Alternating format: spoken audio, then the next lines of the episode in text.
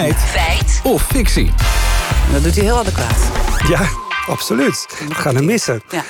En we gaan het over fietspaaltjes Ja, hebben. zeker. Waarom Want, eigenlijk? Ja, nou, je kent ze wel, die vaak rood-witte paaltjes... die altijd enorm in de weg staan op fietspaden. Want ze ontwijken, dat lukt lang niet iedereen. Dat hoorden we vanmorgen in het Radio 1-journaal. In plaats van de fietspaden veiliger te maken, zorgen ze vaak voor ongelukken. Veilig Verkeer Nederland wil daarom van al die paaltjes af. Want volgens woordvoerder Rob Stomphorst... veroorzaken die paaltjes meer ongevallen... dan dat ze ongelukken voorkomen, zegt hij in de Telegraaf. Ja, en dat is natuurlijk niet de bedoeling, maar jij bent gaan uitzoeken of het ook klopt. Ja, en allereerst wilde ik weten hoe vaak het dan precies misgaat. En daarvoor belden we met Otto van Bochelen van kennisplatform Fietsberaad. Nou, er zijn geen exacte cijfers eh, van, omdat eh, meestal de politie er niet bij komt. Veiligheid NL is een organisatie die onder andere de informatie bij ziekenhuizen opvraagt. En op basis daarvan er zijn er schattingen dat het om honderden ernstige fietsongevallen per jaar eh, gaat. Waarbij het, paaltje dus aangegeven als een, is als een belangrijke oorzaak. Horrorpaaltjes dus, Nou. die dingen. Want honderden mensen belanden jaarlijks in het ziekenhuis... door een botsing met zo'n fietspaaltje.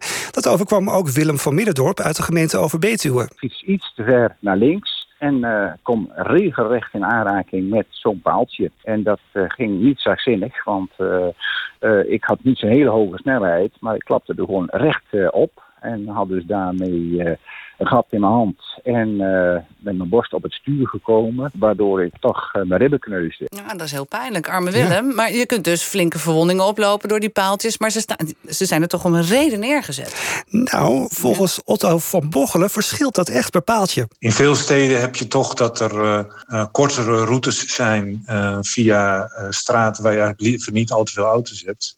Of waar bijvoorbeeld een belangrijke fietsroute is. En dan helpt zo'n paaltje echt om, eh, om auto's tegen te houden. Maar ik denk dat er heel veel paaltjes zijn die er neergezet zijn zonder dat er echt een hele duidelijke noodzaak voor is. En, en hoeveel van dit soort obstakels zijn er dan in Nederland? Nou, we hebben geprobeerd dat te achterhalen, Ja. maar niemand die het weet. Gemeenten houden het namelijk niet bij, maar naar schatting gaat het om honderdduizenden.